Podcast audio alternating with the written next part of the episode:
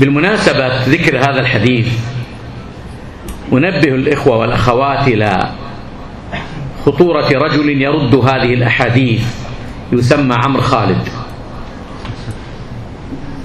وهو يهزأ بحديث ما رأيت من ناقصات عقل ودين. فيقول الرسول بيهزر معاكم بقى. يعني يمزح معاكم يتهكم بالحديث. كما أنه قال إبليس لم يكفر. وقد ردت عليه أخت لنا في الجزائر أم أيوب وفقها الله وأنا قدمت لذلك الكتاب في الرد على هذا الرجل الذي يدعو إلى إفساد السنة ويدعو إلى الاختلاط بين الرجال والنساء وأنا لا أتورع من ذكر اسمه لأنه أصبح من كبار المبتدعة.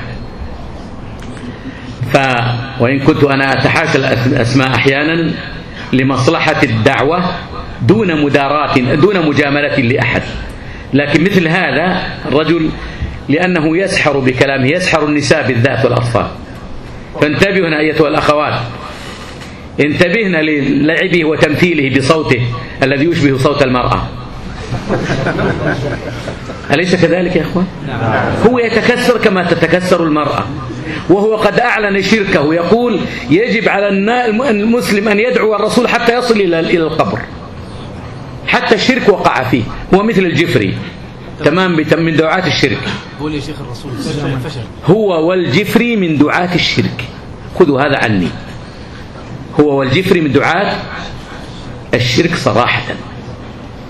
فمثل هذين خطيرين لأنهما يتكلمان باسم الدين. فانتبهوا لمثله.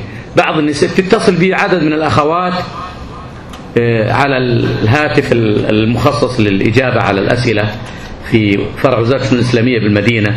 دائما يتصلنا ويعجبنا بهذا الرجل وللأسف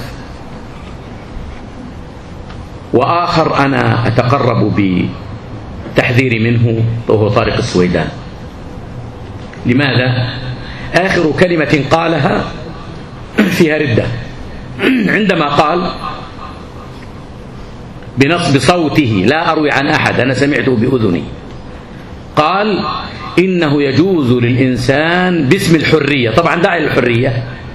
ثم تحدث الحرية وما أدراك ما الحرية ثم قال إنني أعارض كل من يقف في وجه الحرية والحرية تقتضي تجيز لك الاعتراض حتى على الله أو على رسول الله أو على القرآن. كبرت كلمة تخرج من أفواههم. إن يقولون إلا كذبا.